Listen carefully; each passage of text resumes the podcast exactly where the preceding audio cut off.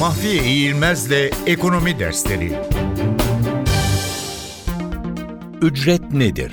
Pek çok farklı açıdan tanımlanabilir ücret. Ama ekonomi bilimi açısından ücretin tanımı, emeğin kiralanması karşılığında emeğini kiralayana ödenen bedel olarak tanımlanır.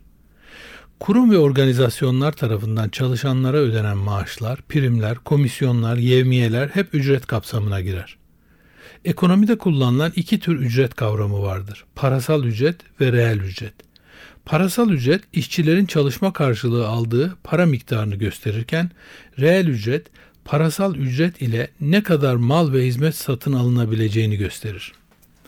Bir başka ifadeyle reel ücret enflasyondan arındırılmış ücreti yani parasal ücretin gerçek satın alma gücünü belirtir.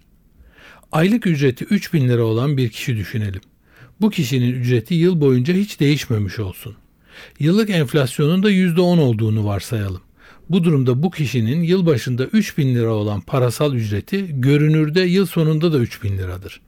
Buna karşılık o ücretle yıl başında 3000 lira değerinde mal alırken yıl sonunda %10 eksiğiyle 2700 liralık mal alabilmektedir.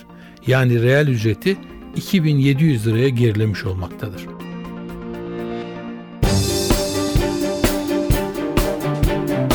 Mahfiye İğilmez'le Ekonomi Dersleri.